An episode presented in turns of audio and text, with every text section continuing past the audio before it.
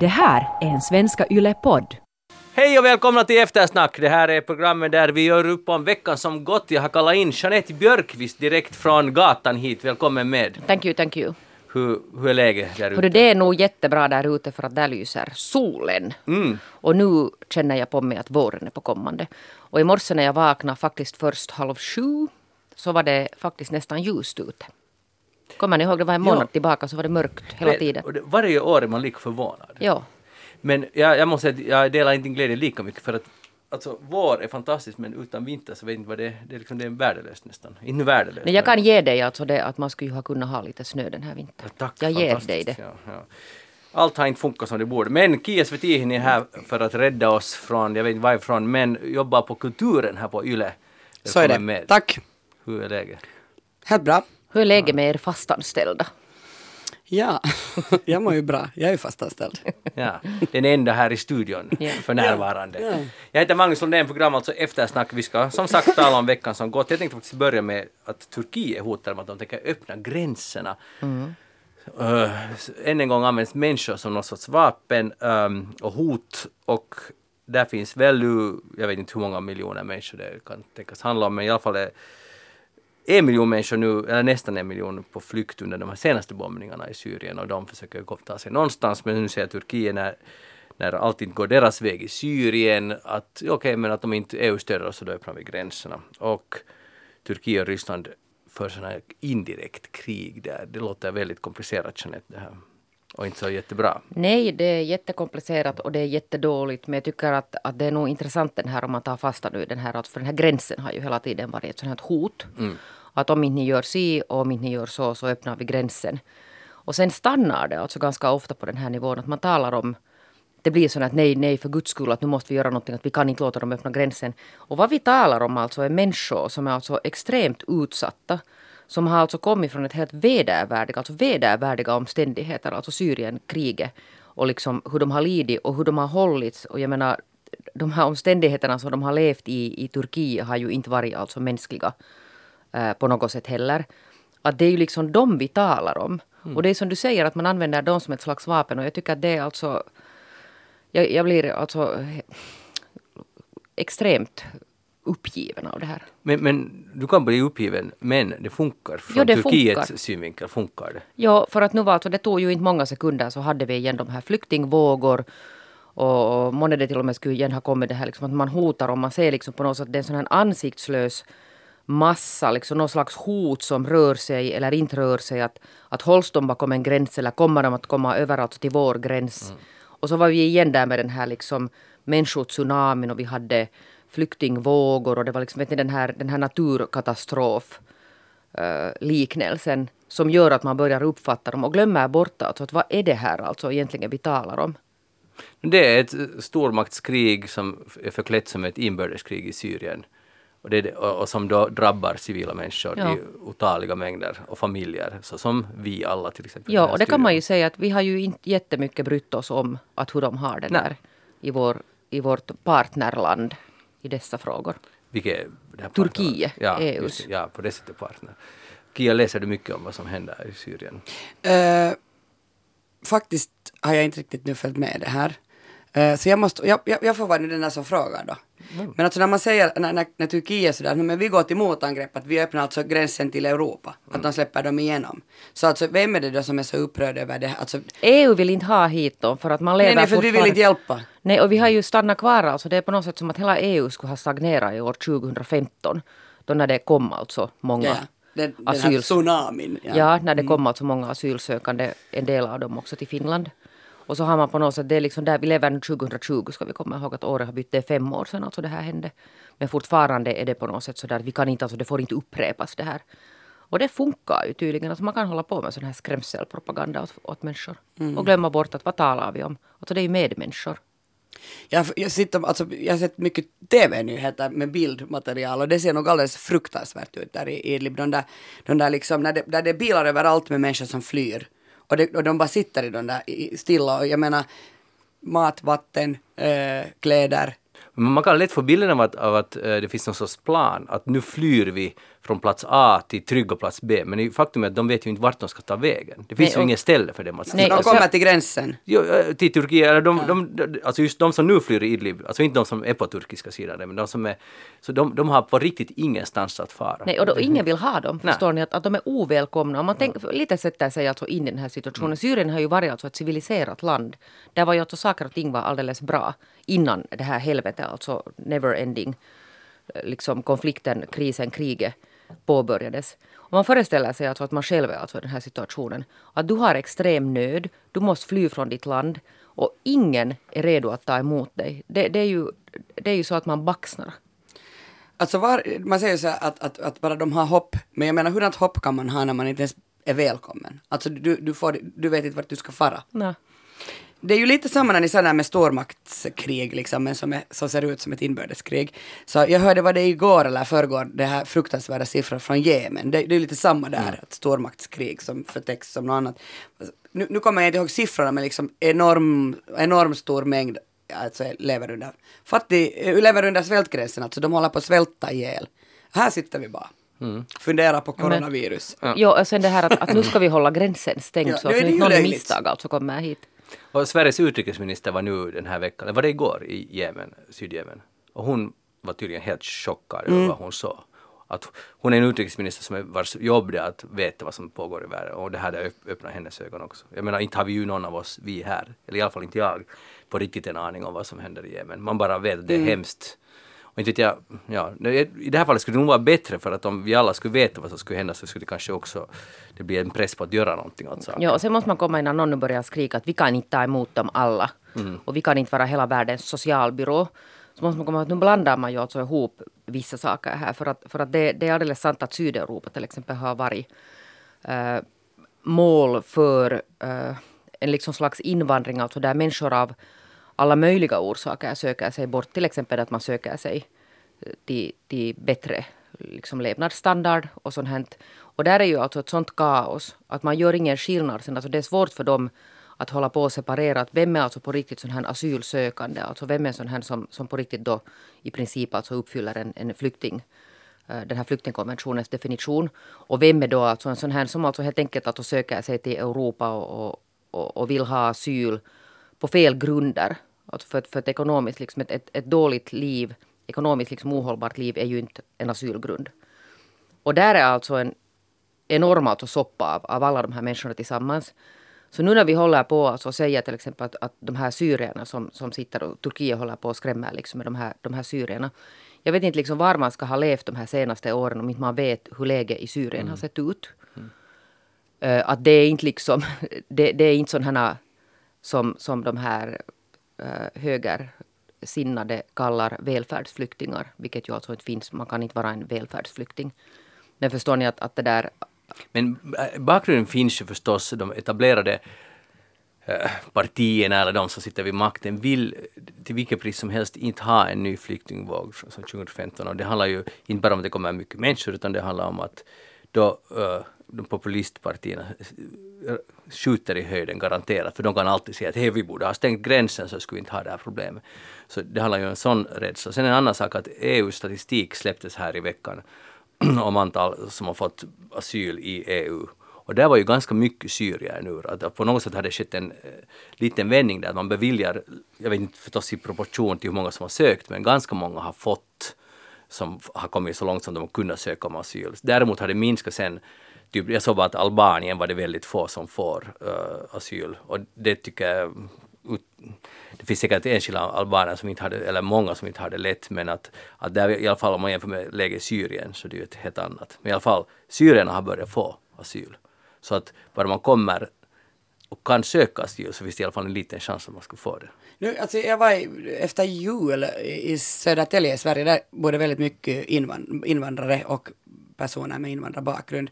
Och där talades det eh, alltså, ganska mycket skit om Syrien. Att Det var sådär, nej men det är säkert någon syrier som får det jobbet. Alltså att bland de här personerna med invandrarbakgrund eller, eller sådana som också har kommit, så, fått asyl och sedan uppehållstillstånd i, i Sverige, att i, inte kan det ju vara, alltså jag menar, som syrier så får du nu skit vart du än kommer. Liksom. Sen när du, när du får asyl så är man också avundsjuk på det.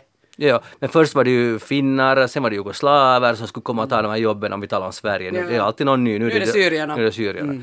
Så okej, hej vi går vidare för det som många snackar väldigt mycket om är eh, coronaviruset och jag tänkte fråga er, har ni, sitter ni fastklistrade och eh, har ni köpt Den här andningsskydd? minut vid minut Ja. bevakningen som pågår. Livebevakningen diverse Och det där som man kan kolla i vilket land som helst hur snabbt det insjuknar människor. Har ni sett den kartan? Och så, nu kommer det en och nu kommer... Den, bara, den aktiveras liksom varje gång när någon På insjuknar. riktigt, finns det en sån också? Ja, det finns, Det finns många olika varianter av den. Och, och, och du sitter och fastklistrad och Nej, tittar, tittar jag har på nu slutat. Okej, man kan inte. Jeanette, är du... Är Nej, du jag är det där, alltså jag, jag är på något sätt helt uppgiven inför detta också. Jag, jag är hemskt trött alltså på det. Jag förstår alltså att man ska ta det här på allvar och jag förstår att man måste rapportera men jag tycker att det har gått lite överstyr. Och sen är det ganska intressant att, att, att nu har ju en del mediehus också själva förstått att oj, att, att vi det där hetsar ganska mycket till panik här nu. För att, för att det blir ju panik. En del människor alltså faktiskt är, min dotter kom hem från skolan, hon är alltså på andra klassen och berättade att, att nu har någon berättat där att det är en dödlig sjukdom. Förstår ni att, att det är sånt här som sprider sig alltså överallt. Och sen gick vi alltså noggrant igenom det här att vad är en dödlig sjukdom och det här är inte alltså en sån som man kan kalla för en dödlig sjukdom. Men jag, jag tycker det är ju konstigt att se det här på den kanalen som vi själva nu pratar i, men jag tycker att Svenska Yle har, har varit ganska nyktra i den här frågan. Jag tycker det har varit ganska saklig bevakning och inte hetsat i panik alls. Eh, sen finns det ju andra som hetsar, till exempel Guardian som jag annars är en stor vän av, så de kör ju nu varje dag, alltså man man får nästan bilden av att det är världens undergång är nu bakom hörnet, eller det är egentligen är här än. Och jag, jag tycker bara att det är så synd för, att- för att den där oron kommer inte att göra oss friskare. Alltså, det är klart att, att det kommer, säkert jättemånga i Finland kommer att bli sjuka i det här. Och många kommer att bli milt sjuka, och några kommer att säkert avlida i det här. Och det kommer att ske. Men, men vi kommer inte att bli, hållas friskare genom att titta på en eh, karta som uppdateras varje sekund om hur många som är sjuka. Vi kommer inte att hållas friskare för att, att vi är oroade hela Men tiden. jag är sådär att, att vem är liksom betjänt av det här? För att det som händer är ju att det här drabbar ju ekonomin jättestarkt. Otroligt starkt.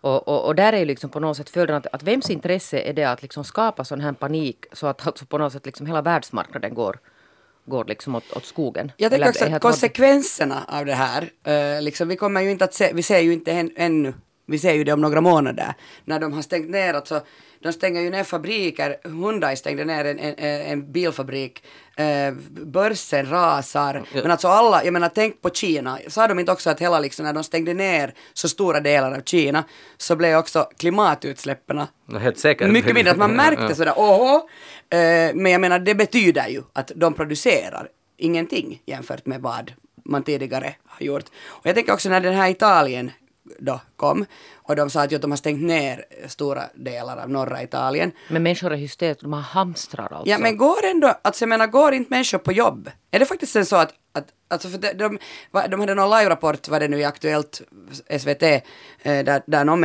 någon reporter stod mitt på någon gata inne i Milano och sa att "Se, så här är inga människor, att så har det aldrig sett ut och att mycket restauranger är stängda men, men går restaurangägarna med på det här? Alltså är det, är det ett tvång? För när det är sån här jag, tror det är tvång. smitto, eh, smitto, vad heter det, liksom lag, det måste ju vara lagstadgat. Alltså då kan ju sta, eh, alltså, en stat tvinga människor. Så måste det ju vara, för jag, jag liksom funderat, eller går man på jobb?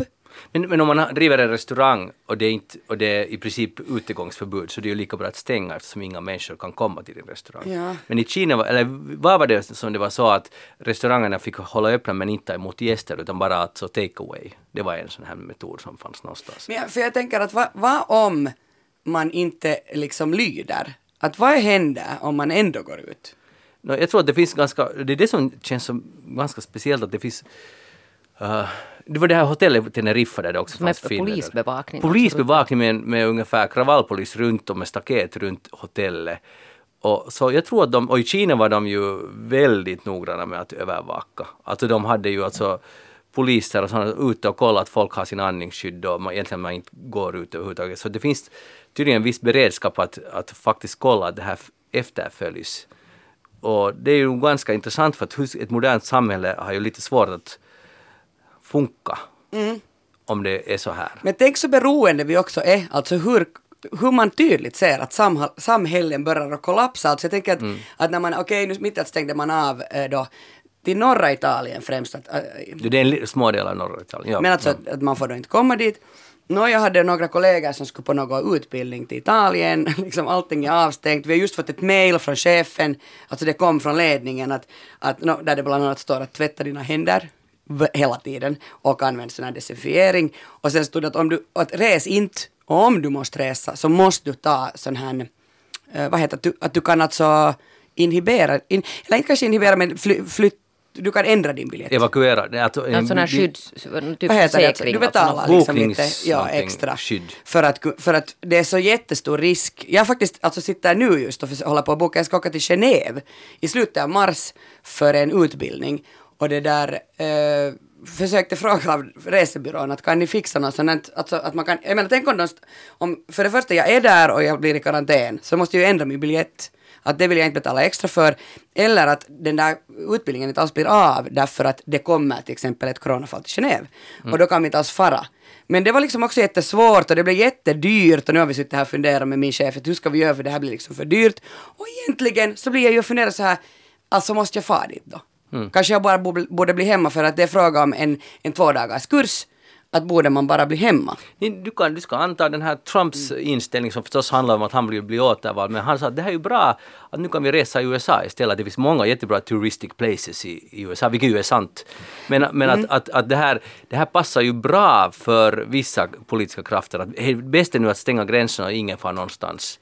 Och, och det, det är ju bisarrt hur det har blivit politiserat. Men sen börjar det här bli det ju så här att man får inte heller hämta in några varor från andra för att om det på något sätt... Men då blir det svårt. Nå, det är ju just det. Men Trump, Trump sa ju också att, att eh, vi har ju inga död, de har, de har ju inte några dödsfall ännu i USA. Men alltså det kommer ju att komma kan jag ju berätta till Mm. Självklart. Trump då om han inte skulle tro det själv. Men han sa ju att de som är sjuka håller på att bli bättre. Ja, alla. Han, han kunde... han är nog- han är guy. Han är stilig. Han är Men, bra. men jag skulle säga det när du frågade helt i början Magnus, att är ni liksom nervösa och oroliga? Så om vi gör så här att, eh, skulle ni resa just nu? Eller har ni liksom ingen skillnad? Jag har ingen skillnad. Jag har nog, jag far till Sverige nästa vecka och det är ju nu kanske inte att resa på det sättet men nu skulle jag, inte skulle jag till exempel nu, hej, nu tänker jag fara skida slalom till norra Italien. Uh, mera just med tanke på vad, att just att oj, och sen blir det karantän för man råkar vara på ett hotell. Eller sen kanske man får det. Det är man karantän, kar- ja. Man Ja, det kanske sådana, här praktikaliteter men jag, jag, jag går inte omkring och är rädd. Jag hade där nämligen på söndagen, det här är alltså orsaken varför jag har, måste vara lite involverad i de här riskerna. Så på söndagen så åker min fyraåriga son tillsammans med, med sina morföräldrar. Eh, som Åker är eller åkte? Åker, Ja. som är alltså ju mina föräldrar då, så ni kan tänka er att om jag är nästan 40, så de är ju alltså kanske då en liten riskgrupp till Dubai. För att, och det det är ju ett jättestort flygfält som de också har stängt av vissa delar av för det kommer så mycket internationella flyg dit. Och vet ni vad de ska göra? De ska åka på kryssningsbåt. så därför har jag varit ganska, alltså så här att, att mamma sa senast igår till mig, Kia om du inte vill att, att, att vi tar med ditt barn, så säg. Men, men liksom, sen bara funderar jag helt supernoga, börjar gå igenom vad jag har hemma för, alltså i, mina, i mitt apotek.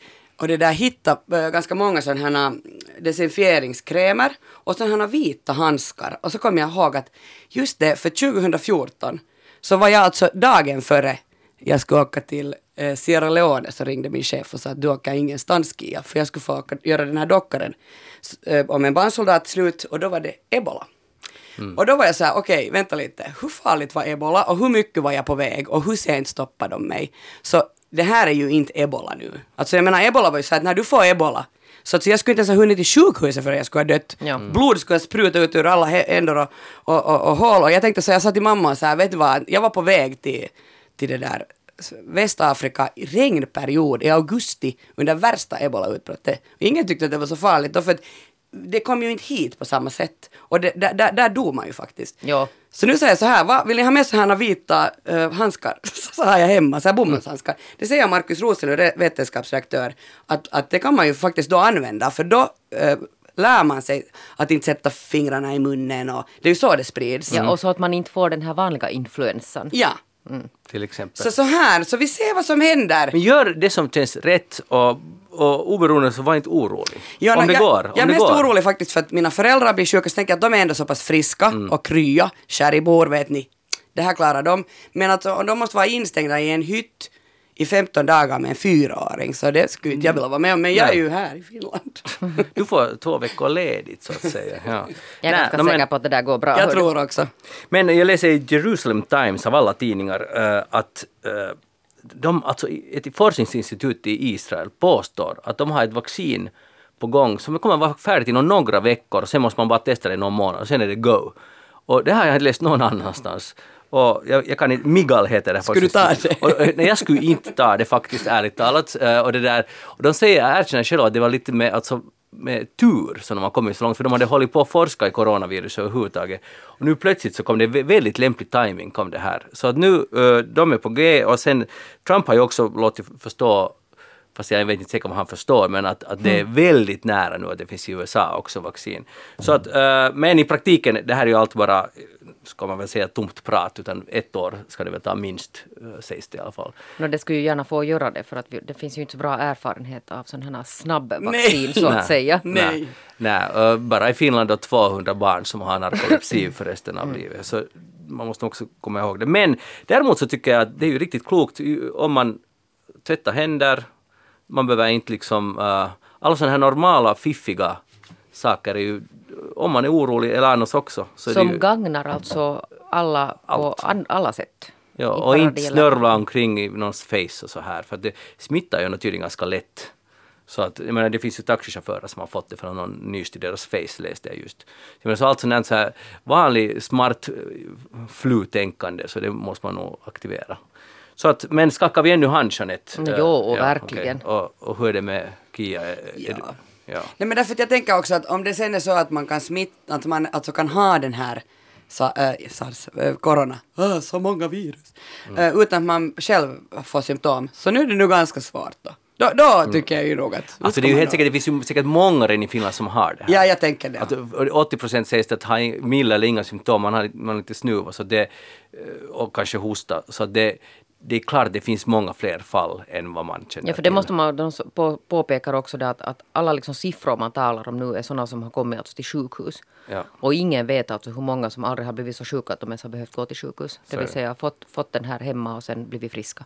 Det- Därför tycker jag nu att vi lämnar det här Tack Magnus. tem- temat för den här gången. Hej, alkoreformen, det här var för några år sedan så genomfördes ju den här stora alkoholreformen och jag kommer ihåg att vi också här i eftersnack, eller i alla fall jag, att oj, oj, nu kommer nog gänget börja supa ännu mer och varför ska vi sälja starköl i matbutiken? Jag var faktiskt av den här åsikten. Uh, uh, eller jag var så i princip lite så här halv som man ofta är i sådana frågor. Men i alla fall nu har då statistiken kommit än en gång, vi har talat om det lite tidigare, men nu har det kommit för 2019.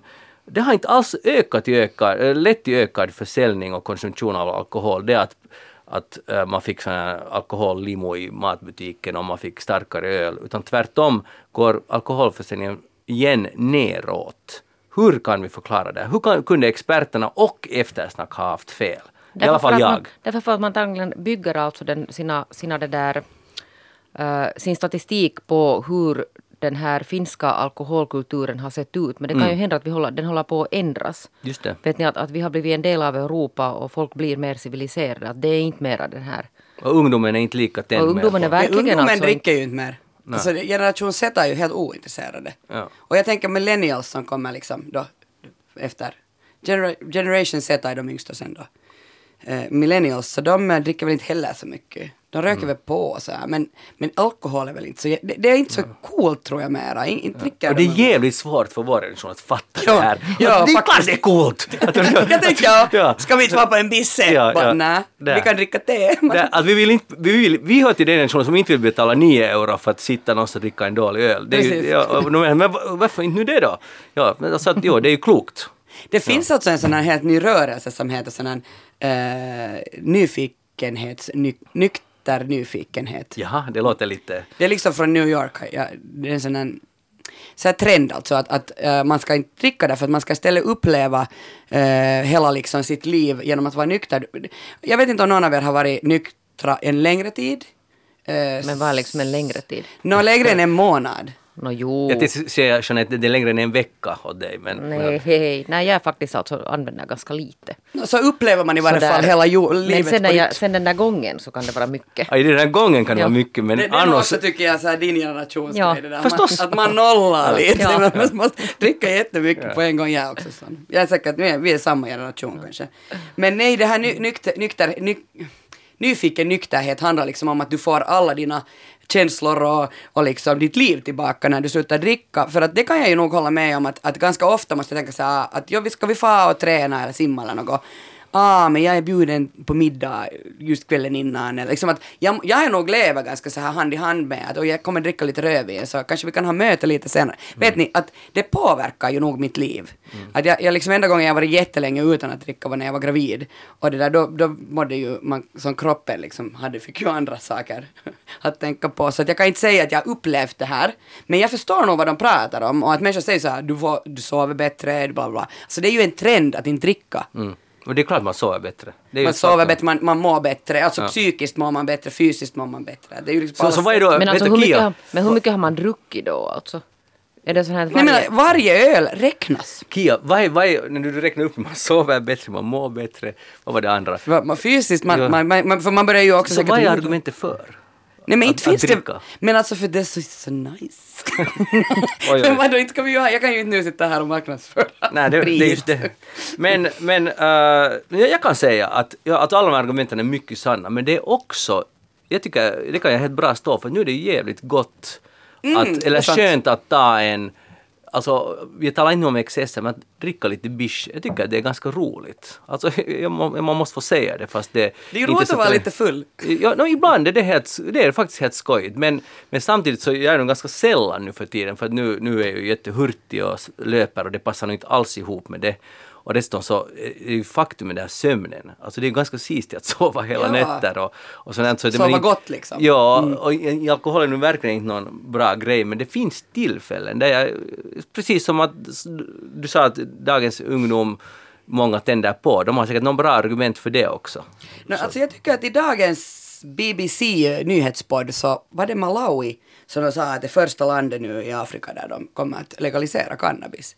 Så jag fick bara här... Inte det nu för, första landet i Afrika? Ja, ja, ja okej. ja, förlåt, ja, Afrika. Ja. Men nu är jag nu inte helt säker vad det var exakt så det gick till. Men, men alltså då tänker jag bara så här, när jag hörde den nyheten så tänkte jag så här, alltså vi är ju nog på väg någonstans nu. Mm. Eh, och då var de, i den här nyheten var det så här, ja att de har liksom i hur många år som helst bara gjort allt det här illegalt. Så nu har det blivit bara lagligt. Och de kommer förstås att koncentrera sig på medicinsk eh, cannabis och så vidare. Men jag menar med tanke på, alltså jag tror att de flesta länder kommer att kanske anamma det här. Det kommer säkert sist till, till Norden, därför det klarar vi nog inte av. Ja, Nej, men Norge för ju alltså en diskussion om att dekriminalisera alltså bruk av cannabis. Ja. Och den, den diskussionen har förts alltså i Sverige och Finland också. Och jag tror att Kia har jätterätt. Jag tror att vi är på väg någonstans. Här är någonting som håller på att ske. Det kommer att ta lite tid, men det är nog absolut på väg ditåt. Men hej, vi Nej. skippar också det här Jag måste säga bara att det inte var, det är inte det första landet. I Afrika. Det är ett av länderna i Afrika. Okej. Jeanette Björkqvist, vad har du tänkt på den här veckan? Nu hörde jag det där råka se där, det var, alltså jag, jag såg inte det på Twitter men det var en sån här amerikansk Wendy Williams som här nu för kanske, skulle det nu ha varit kanske en dryg vecka sedan.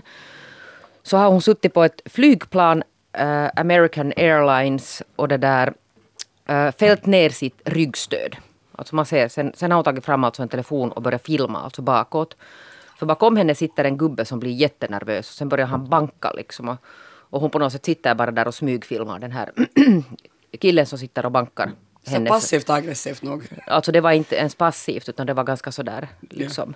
Nåja, och det här blev alltså då någon sån här extremt stor alltså hit på, på, på Twitter och dela folk alltså, he, he, alltså i tu. En del tyckte att hon hade helt rätt. Hon hade rätt att sätta, sätta ner sitt ryggstöd och han är liksom helt ett svin som började hacka på henne och liksom var sådär liksom, ville ha, han ville ju alltså blev ju irriterad på att hon hade fällt ner det. Och de andra tyckte att hon är ett svin. Att, att hur, hur täcks hon liksom sätta sin, sin bänk alltså i hans mm. famn. Och så kom det aldrig alltså ut någon sån här någon sån här det där konklusion av det här. Men, men hon hade nu tydligen då alltså i alla fall den här Wendy haft någon sån här nackskada. eh, som hade sen blivit värre efter det att han hade suttit och bankat hennes stol. Och, det där, och nu, nu är vi liksom i den, den, det läget att FBI Att hon, de, den här American Airlines har rekommenderat att hon kontaktar FBI så att de reder ut vem den här killen var. FBI? Jo, för att det där, hon vill veta då att vem den här killen var för att han borde egentligen bli ersättningsskyldig. Det är Wendys story. Nåja. Uh, hur ska man då göra? Hesari har en sån här jätterolig serie som heter TC9 Juttosarja dit man får skicka in då en massa svåra frågor, livets stora frågor. Och sen tar de reda på de här. Och, och nu råkade det sig faktiskt så att idag var frågan antagligen alltså inspirerad av Wendy Williams erfarenhet i flyget. Så var frågan att hur ska man göra i flyget? Att får man fälla ner sin, sin bänk eller får man inte fälla ner sin bänk? Och det här har de frågat då Finnairs eh, sån här utbildningschef Katja Nenonen som går igenom alltså en lång sån här, ett långt resonemang att, att när flyget lyfter och landar så, så måste här, den här sitsen alltså vara en sån här upprätt position, det vet vi alla. Och sen efter det, om man det där känner att man skulle kanske lite vilja luta sig bakåt, så föreslår hon att man kollar. Bakom sig, att sitter där någon till exempel med en dricka på sitt bord eller en, en dator och så kan man fråga Alltså förstår ni, en sån här mänsklig kontakt. Det här som jag uppfattar nu att Wendy Williams aldrig gjorde. Hon vände sig aldrig om Men, till men, den här mannen och sa att kan du sluta slå min stol. men det var faktiskt så här, äh, eftersom jag också följt med det här drama då. Det visar just hur hårt livet är i USA och i västvärlden överhuvudtaget när man måste man, en kamp för överlevnad varje dag. Men där var, där var det alltså, det var ju så att Wendy, hon hade lutat bakåt stolen så hade killen bakom sa att jag, jag håller faktiskt på att checka nu, att kan du liksom skriva... Men då hade hon tagit upp den. Då hade hon tagit upp den. Och sen när han hade ätit färdigt så hade hon lutat neråt den. Och sen, det som är det bisarra med den här videon är att han sitter och tittar på sin telefon eller på någon film, antagligen, jag vet inte, men på någon apparat. Och samtidigt så håller han på och hackar sådär på hennes, liksom, med ena handen och så tittar han liksom med, med ögonen neråt på sin skärm och bankar så här regelbundet så här hårt. Och, det där, och så filmar hon. Och det, det ser helt, alltså hela det här jag tycker att det där är en, en väldigt fin, fin symbol för att vi har tappat det. Alltså att, att mänskligheten, alltså det, det, funkar inte mera.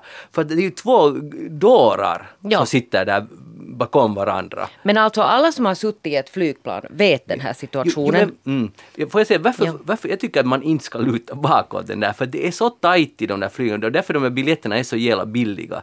Därför för att för att vi trängs in dit och, då gör man det värre för den där bakom. Och han hade, satt ju på sista raden, så han kunde inte skicka skadan vidare. Han måste sitta där med upprätt rygg och han hade lite trångt när han skulle se på sin skärm. Ja, men det där alltså kan man tänka när man flyger korta vägar. Mm. Jag håller, jag, jag håller inte alls med dig nu. Sen när man flyger alltså längre vägar och till exempel känner att man skulle inte vilja vila sig. Så då blir ju alltså då frågan att det där att, att det är ju lite lättare om man lite får sätta några cent bakåt den här. Ja, eller läsa eller lyssna på någon podd eller titta på någon film så det är ju bara bekvämare.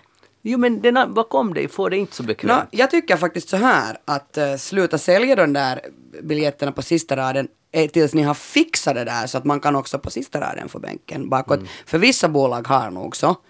Eh, det är ju som jag tycker är jobbigt för nu för tiden när det är så billiga biljetter som du säger Magnus så, så man får ju inte oftast välja var man vill sitta och jag lyckas alltid köpa säkert så billigt att jag får alltid på sista raden. Och man, det är inte bara det att man inte får bänken bakåt, man får ju också allting sist, liksom maten sist och, det, och om du vill, ofta ska du köpa något så det är alltid slut. Ah nej, vi har inga baguetter. Aj nej, vinet tog slut. Och sen står alla alltid och köar till vässan där bredvid. Det är mycket som är dåligt med att sitta långt bak. Jo men i, alltså, men come on. Det, det, Jag lutar alltid bakåt. Jo, jo, min okej, bänk. okej, Aha, men- så du, för jag är en sån här, jag är lite som, jag inte, inte kanske så, så hardcore som den här killen där bakom Wendy men jag kan ju också få faktiskt lite nervspel. Ska vi åka någon gång? Nej men, så Men alltså- jag brukar faktiskt fråga, alltså jag, jag gör det aldrig när man äter, för det vet jag, jag avskyr själv när någon börjar skaka på den där bänken.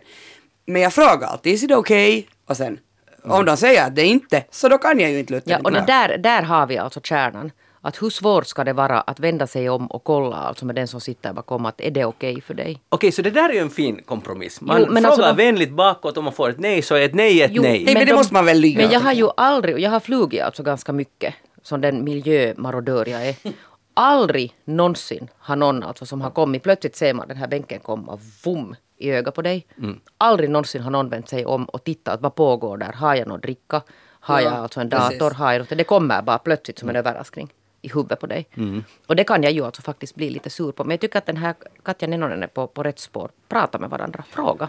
Som vanligt, Ja. snacka med varandra. Sen, men sen vill jag, Kia, jag tänker faktiskt säga nu emot dig lite här. Därför att du, du sitter nu här och gnäller om att vinet tar slut och så att, att jag tycker att sluta. Alltså för, för att din biljett har kostat ingenting. Det är grym lyx att flyga någonstans. Du kommer på två timmar, tre timmar södra Europa och du, du, du tänker sitta här i riksradion och gnälla om att vinet är slut. På, på riktigt, du har flugit dit för några 37 euro eller vad du nu har betalat för det. Och det är så du smutsat ner miljön på köpet. Ja, ja. Och jag har också flugit för samma pris. Ja. Och jag har också smutsat ner miljön. Men, alltså om man nu en gång flyger, alltså jag tycker ju så här att om du nu en gång skitar ner den där miljön så mycket som man Så ju ska jag göra det man- med stil. Så gör man väl det med stil. Nej, det så man har ett glas rödvin i handen och lutar bänken bakåt oj. när man förstör klimatet. Men sen du Vinkar åt Greta Thunberg på vägen. Bara Mm. det där att du har väl inte flugit sådana jättelånga resor, sådana här tio timmars. Nu har jag någon gång, men inte på länge. Men Nej, för där- där kommer ju sen Jo, den det är här- lite, men då är det också bredare. Det är mera men nu går vi vidare, vi Ja, slutar okej. vi. Ja. Kia Svetin, vad har du tänkt på den här veckan? Hör du att idag, i, ikväll, så samlas den franska filmeliten till deras Oscargala. Eh, César heter deras filmgala. Och det där, eh, en film som har fått 12 nomineringar heter Chacus. Eh, en officer och spion som handlar om, ska jag säga det här rätt, Dreyfus, Dreyfus-affären. Ehm, Roman Polanskis film. Den har biopremiär i, i det där Finland 27 i tredje. Eh, så det har inte ännu väckts eh, storm, anstormningar och hopar av, av arga människor som, vill, som inte vill att den, denna film ska visas. Eh, grejen är alltså den att, att eh, Roman Polanskis, eh, Roman Polanski som filmregissör är knepig här. För att han har ju en viss bakgrund. Eh, och det har eh, sen också lite att göra med filmen Chacus. Men, men om, om vi börjar helt från början så är det alltså så att, att, att eh, Roman Polanski eh, ju har blivit, han, han, har, han har många våldtäktsanklagelser mot sig och också väl medgett att han på 70-talet hade ihop det med en 13-åring. Och eh, sen så har han flytt från USA. Mm. Eh, det, det är väl ungefär story, men det har kommit alltså flera anklagelser längs med åren. Sen Roman Polanski har gjort filmer alltid. Eh, jätte, jätte, jättebra filmregissör om man frågar mig. Um, och när den här Dreyfus-affären, ehm, det handlar alltså, det var en politisk rättsskandal som ägde rum i Frankrike i slutet av 1800-talet. Och det där, det handlar alltså om officeren Alfred Dreyfus som anklagades då för att han har lämnat över sådana här hemlighetsstämplade handlingar till den tyska krigsmakten och han dömdes till straffarbete för spioneri. Uh, Nå, den här uh, Polanski uh, fick 12 nomineringar, alltså det är inte något lite. Juryn avgår imorgon. Var fick han 12 nomineringar? För den här, på den här Caesar-filmgalan. Just det, okej. Så idag ser man då att hur många vinster blir det för filmen. Eh, Polanski själv tänker inte gå på Caesargalan, han vågar inte. Han säger att han kommer att bli lynchad om han kommer dit. Han har alltså det sådana eh, mob, metoo-mobbar liksom av, av, av arga Eh, no, nu är det väl främst kvinnor, men nu vill jag nu säga ändå människor här. Alltså att jag hoppas att det också kanske är no, någon man, att det inte bara liksom kvinnor som, som demonstrerar, men alltså de, man, man protesterar helt enkelt mot den här filmen och man tycker inte att, att den ska visas. Och i, i, den har idag premiär i Sverige och jag vet att vissa biografer övervägde att inte alls visa den. Men de visar den. Ja, de visar Men den. Kia, vänta. Vad sa de att en jury avgår? Juryn eh, för filmgalan Caesar, Ja. så nominera eh, den här filmen. Och nu avgår de istället? Och, och, och det, där, det fick de då göra. De fick nominera en officer och spion, alltså Roman Polanskis film, till tolv olika priser. Men det där, de måste avgå efter det här för det blev så stor uppståndelse i, Okej. i Frankrike. Bland annat eh, deras, någon minister hade gått ut och sagt liksom att det här är fruktansvärt, att hur kan ni nominera en våldtäktsman? Okej, så det här påminner om det vi har snackat om här också tidigare, Woody Allen och många andra fall. Att, att går det att separera konsten från den här människans vad ska Det, jag det är säga, precis beteende? faktiskt min fråga, Ja, för jag ja, tycker ja. det är jätteintressant. Det är en jätteintressant fråga. Vad, vad tycker du? Kort svar på det här. Jag tycker att, att man måste kunna, eh, alltså man måste kunna skilja på sak och person. Sak och person. Och sak menar nu... Filmen och person är Roman Polanski. Så, så var drar du då gränsen om vi nu låter... Vid Michael Jackson. Just, ja, är, är, Mike- är där din gräns? Ja, och det här är alltså helt... Mm, eh, jag tänker så här. Att grä, du ska dra gränsen för, för dig själv. Alltså det, inte behöver någon annan bestämma det här för dig. Um, jag tycker fortfarande att Roman Polanski är en av de liksom, främsta filmregissörer. Jag tycker också om Woody Allens filmer. Jag tycker också att han är problematisk som person. Eh, Michael Jackson, så jag klarar inte av att lyssna på hans musik mera. Han var en av mina, min, min största idol när jag var liten. Den här Bad-kassetten, C-kassetten fick jag liksom när jag var sju år gammal och sen dess har jag liksom älskar hans musik. Han, enorm popstjärna för mig. Sen såg jag den här dokumentären som kom för något år sedan och, och liksom, sen försökte jag lyssna, jag har massa vinyler hemma, Michael Jackson, och jag kan inte. Men det, samma sak skulle kunna hända när du ser på Polanskis nya det kan film. hända, men nu ser de också att den är otroligt bra. Ja, men då, då gör det ju... Mm, det här Det gör är det en knep, knepig fråga för att Woody Allen är ju samma. Men vad tycker du om den där juryn? Alltså, förstås att så fick de nominera, men blev det, blev det för mycket att de måste avgå? De kommer att avgå alltså efter prisceremonin idag, därför att så, det, var så, det var så många, de, jag tror att de tvingades avgå.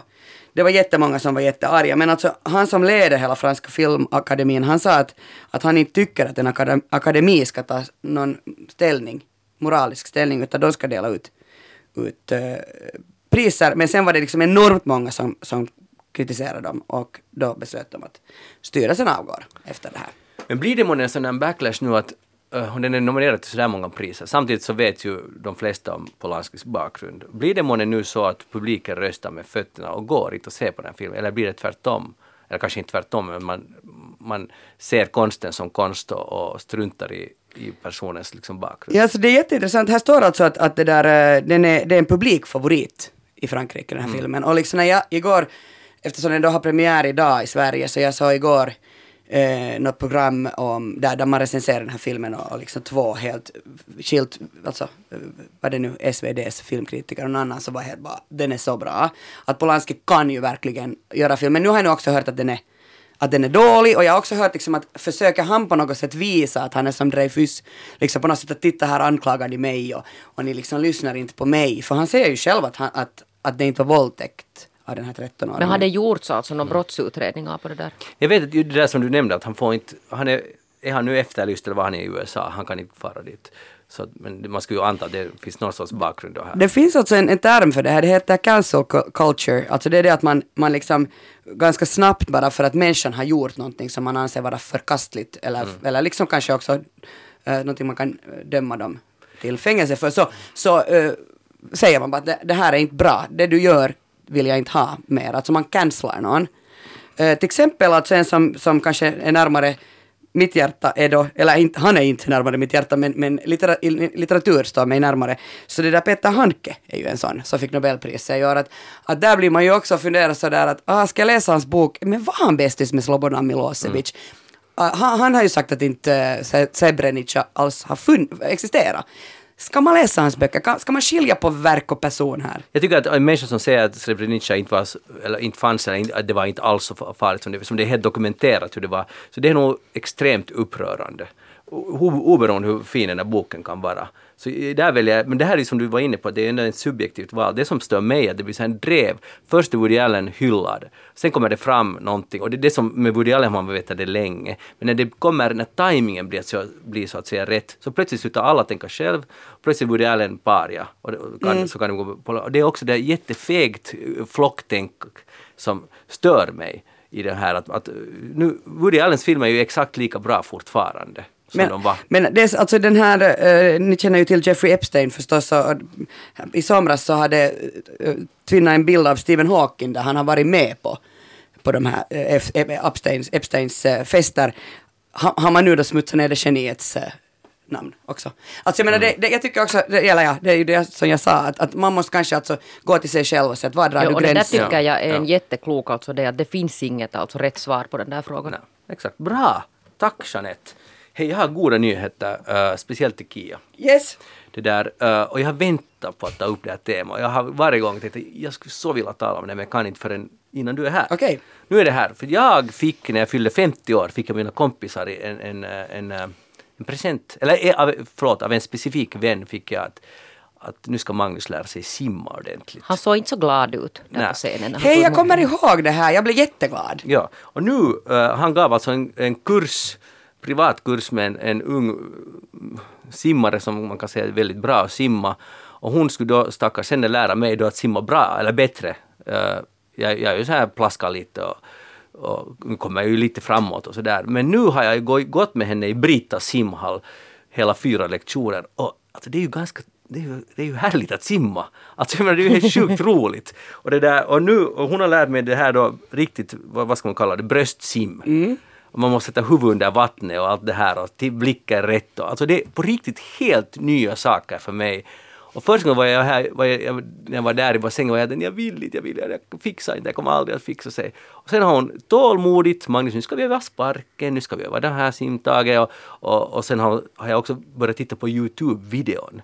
hur du, göra. går all in där nu? Jag går all in och jag måste säga att det är otroligt fint. Och jag är så nöjd över den presenten och jag är glad över det här, vet ni, den här insikten. Shit, det är inte alls för sent att lära sig nya saker. Sen som har pärtat en hela livet. För det har alltid stört mig att det är lite usselt att jag inte liksom, nu kan jag simma 25 eller 50 meter men liksom att jag... Att Du kan inte simma hur länge som helst. Nej, och jag blir helt slut av 25 meter. Jag får någon kramp i armarna. Så sa hon, det är inte så konstigt för du har absolut ingen spark överhuvudtaget att tala om. Att du liksom bara... De har bara hängt med där. Ja, fötterna har varit där och gjort något... de, håller, de håller dig i balans. Ja. Det är deras- deras uppgift. Men någon patetisk liksom plask där med benen och sen måste armarna jobba allt. Och nu när jag simmar har jag inte alls ont i armarna. För nu det... Vad bra!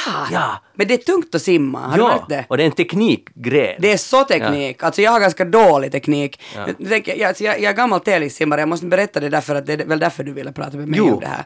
Att det är inte så att jag bara tycker om att simma. Men Nej. jag är faktiskt eh, inte så, jag har må, många teknikproblem. En av dem är att jag i crawlsim eh, fuskar och gör istället för, för att sparka så här, så sparkar jag så här.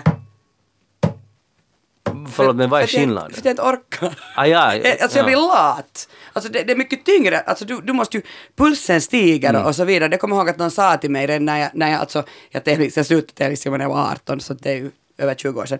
Men alltså att du måste sparka mera, sparken är livsviktig. Den, den är. Och sen, och sen det där, hon sa efter andra gången att Magnus borde du skaffa sig sådana här simglasögon. Så varför, varför borde jag det? Men Magnus, det är klart! Jo, jo men, men det var, det tyckte, hon också att det var klart. Men jag hade inte tänkt på det. För sen när man doppar huvudet, man måste ju ha huvudet under vattnet. För, för jag fick ju alltid förut nackspärr. Ja, precis. Liksom, nacken var helt... Och, och, och så sa hon du måste ta huvudet ner. Och så måste du ha simpippa, nu har du väl det? Varför Men det behöver inte Nej, väl? klart du måste ha. Nej, inte har det något med, alltså att du har ju ett stort frorigt hår. Det är inte det jag säger. Det har jag inte. Nej. Jag vill bara att alla ska förstå det. Ja. Okej, Magnus har inte så mycket hår, Nej. men du har ändå lite hår. Men inte det fråga om det. Men vad är det det frågan om? Det är bra filis. Ah. Och det där, den här, den här simlatsen som jag säger på finska, jag, min terminologi är finsk när det gäller simning, för, att- för att jag var då i en simklubb som var finsk. Men den gör liksom, alltså du blir mer så här, du bara far framåt i vattnet. Gör att- Strömlinjeformad. Ja, du far snabbare. Jag ska fixa till dig allt, all den här, de här eh, små spexina du kan ha när du simmar. Men bra. Jeanette, är du hård att simma? Alltså det där är inte alls nu på din nivå. Nej, nej, nej, ja, det är svårt att vara på min Nej, nivå. men det har, det, där, jag, det har inte liksom varit min grej det där med att lära. Alltså jag simmar helt bra. Okej. Och säkert med helt jätte med min egen teknik. Och jag kommer framåt och jag blir inte trött och jag får inte kramper. Var har du lärt dig då? Nu hör du i Borg och dit hör du i... Pirlaxpotten. Nej, inte Pirlax, för det finns inga du. Jo, det kanske fanns någon gammal men det var Virvik, hör du, simskola. Och så fick jag sån här magistermärke och sen tog det slut min simkarriär. Alltså sån här, på det sättet.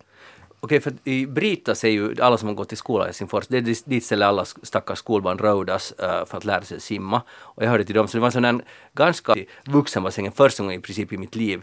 Och det där, att, att det var liksom en känsla av triumf. Det var nog Magnus Dags. Det var- ja, det- absolut. Du vad, ni är ju traumatiserade. Jo, jo, det är vi. Alltså, för det Jag var, alltså, det var inte hemskt. Nej, men Magnus är- Alltså det var, alltså, och, man ska inte skylla på någon annan än sig själv, men det är intressant att om man får en dålig start med någonting och det är någon, eh, det var horror att fara och simma med skolan då, för man var sämst och det var förnedring och, och man, det, det var liksom inte bra. Och jag vet inte vad man ska kunna göra annat, men det är ju det löjliga att det blir sin att hänga kvar. Det är ju liksom helt omotiverat. Nu ska man ju som vuxen kunna, att det där var då och nu, må, nu struntar vi i det. Och det, det är ju helt eget fel. Men, men samtidigt så måste jag hylla, för det här var fortfarande när jag varit där, så där är de där bussarna som staden, skattebetalarna betalar för röda skolbarn dit en gång i veckan. Allt bjuds på. Det är fantastiskt. Och Britas är världens bästa simmare, jag tycker Ja. faktiskt jättemycket om den. Den är bra. Men alltså jag tänker samma hade jag nämligen med, no, det här är ju ett skämt alltså, men jag älskar att skida, eh, no, flatta skidor, det heter längd, Åka längdskidor. längdskidor. Längdskidor, ja. Men det tog alltså ända tills alltså, några år sedan innan jag kunde börja göra det igen för att jag var så traumatiserad från när jag var barn. För att jag, var, jag har alltid varit jättedålig på det och jag är fortfarande säkert också jättedålig men nu har jag bara, jag tycker bara att det är så skönt att vara ute i skidspåren och nu börjar jag sakna det ännu mer när det är en sån här dag. Nu skulle jag nu vilja ha lite snö. Men det där, jag tänker också att jag kommer bara ihåg när jag var liten och när man måste skida. Vi, jag, var, jag gick i skola i Sibbo och vi for ut på vi, viken på, en, på isen och så var alla andra snabbare än jag och jag är så tävlingsmänniska att jag är riktigt traumatiserad av det. Så det är nog, alltså vad bra Magnus att du vid den här åldern har liksom kunnat överstiga. Och, Så här det, stora. inte det, utan jag känner nu att jag skulle på riktigt kunna dra simskola åt folk som inte kan simma. Inte i praktiken, men i teorin. Mm. För jag vet precis hur man ska göra, alltså i teorin. Det är, det är ganska lätt, man tittar lite Youtube-videon, läser lite artiklar och sen är man fullärd. Och sen, och sen kan jag citera min simlärare. Men sen är det en annan sak att göra det själv. Det, det är just det här med teknikgren, det låter... Det, blicken ska vara där och så ska du göra så där, si och så. Det är helt... Så är det fruktansvärt tråkigt att simma, Alltså, det men jag bara- jag. Man är jag bara bara- under vattnet. Jag, jag känner nu alltså den här, förra, var det förra året var det barfota löpning och nu är det simning. Simning, nu är det simning. Det är bra, emellan var det ju, emellan var det väl det där täcket med, som din fru har lagat dig med. Tyngd. Men, Tyngdtäcke. men det har vi inte talat om i eftersnack. Oj. Det kan vi göra en annan gång. Det kan vi göra en annan gång. Hej, eh, brukar ni följa med så här medborgarinitiativ? Att ni går på uh, Inte aktivt men det där ibland. kanslias.någonting.fi. Där finns jättebra initiativ. Jo, ibland. det finns många, att vad folk vill att ska, eh, riksdagen borde ta itu med. Och det jag tittar lite på det här om veckan och det är må- många bra grejer. eh, men där är, sen finns det sådana som man alltid kan diskutera. Eh, det finns ett som jag tycker är ganska intressant helt på riktigt. De vill att man ska läsa mera hussa i skolan, alltså hushåll. Och, och, det, och, och det, orsaken är att ing, folk lär sig ingenting mera hemma hur man tar hand om ett hem till exempel.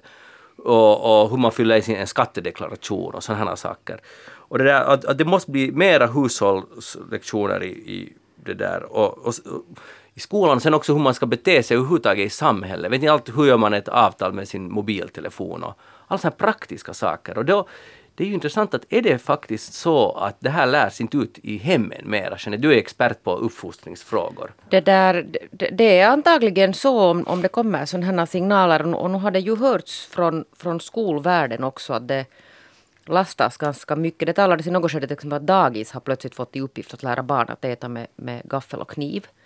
Att, att det kommer alltså barn dit som inte vet hur man, hur man använder gaffel och kniv. Ja men mitt barn kom dit som 13 månader. Han kunde inte äta med gaffel och kniv. Nej. Du är nog en dålig morsa du hör. Jag är men förstår ni, och nej men förstår ni att det där att, att det är säkert, jag, jag tror att det finns alltså, det ligger någonting i det här att, att man inte lär.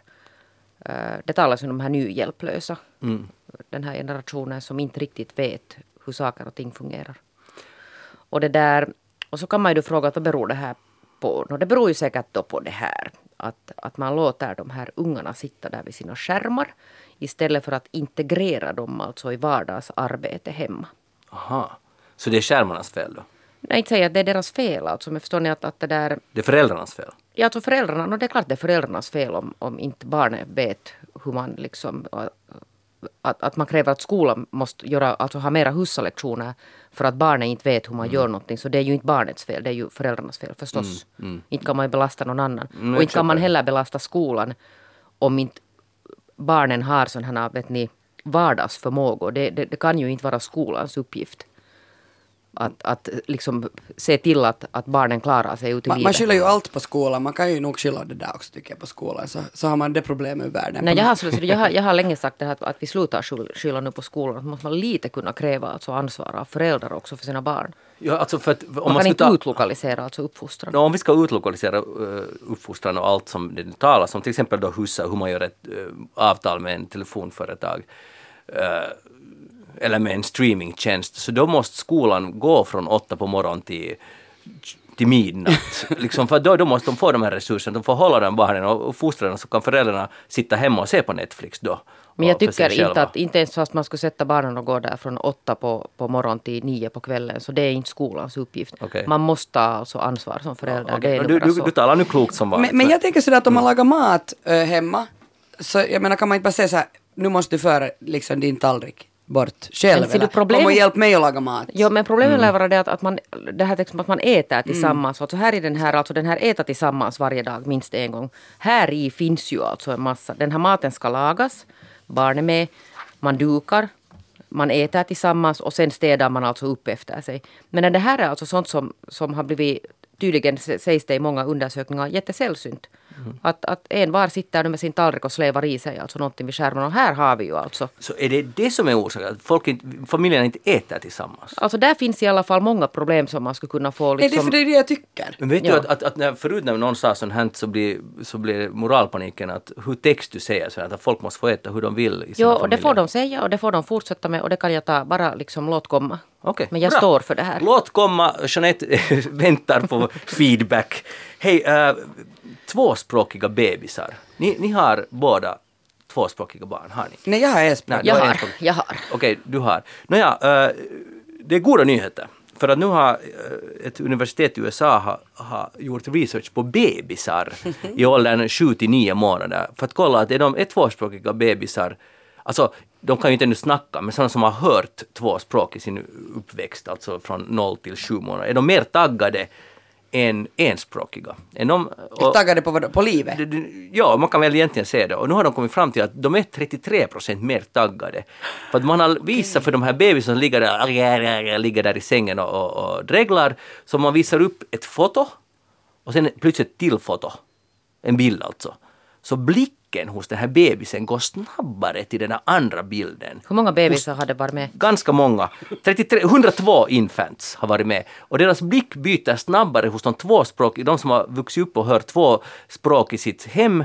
Så deras blick går 33 procent snabbare till den där andra bilden. De är mera uppmärksamma på sin omgivning. Jag vet inte om jag nu De är ta- mer taggade. Ja, jag förstår. Jag vet inte om jag orkar ge så jättemycket för den där undersökningen. Jaha. Men nu finns det ju liksom annan forskning som visar att det är bra att få flera språk. Jo, men ser du, om du skulle, om du skulle om du skulle vara smart nu, vilket du inte är, så grejen är den att, att, att det här bevisar att det är inte bara det att kunna snacka två språk utan att ha hört två språk. Redan då blir man mer taggad.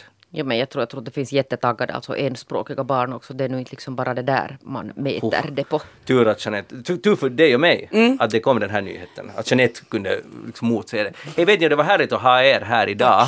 Och det där, uh, var friska och trevliga också kommande veckan och Jeanette Björkqvist. Och inte hysteriska för coronan, Jo, please. om, om vi får säga, att- om vi har någonting att säga till om, är det att lev livet. Ja. Uh, Jeanette Björkqvist, tack för att du var här. Kia Svetin, tack för att du var här. Tack.